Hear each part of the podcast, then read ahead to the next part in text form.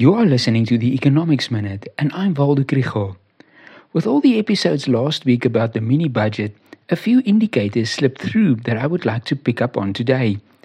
This includes purchasing managers' indices for October, new vehicle sales, and indicators from the US.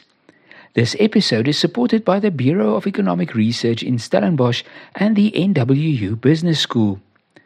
ABSA and the Bureau's Purchasing Managers Index focuses on the manufacturing sector, and the index declined in October to 45.4 points. The business activity sub index has fallen sharply, and the new sales sub index is below 40 points. ABSA's economists attribute this to high prices and interest rates that dampen demand for manufactured products. Industrial demand is suffering from weaker prices for coal and platinum group metals and the problems at the railways and ports. S&P Global's Purchasing Managers Index covers all sectors and it's also lower in October. Business activity is lower and this is attributed to the fuel price increase in October and subdued domestic demand. NAAMSA reported that a total of 45,455 new vehicles were sold domestically in October.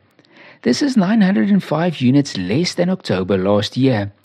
Exports were 11,400 units more, but that's because the comparison month last October includes the 2022 strike at Transnet. In the US, they created fewer new jobs than expected, but the economy there is still growing strongly. Despite this, the Federal Reserve again left their policy interest rate unchanged. All these little pieces of information count when the Reserve Bank makes the next repo rate decision later this month. But I'll talk more about that at another time.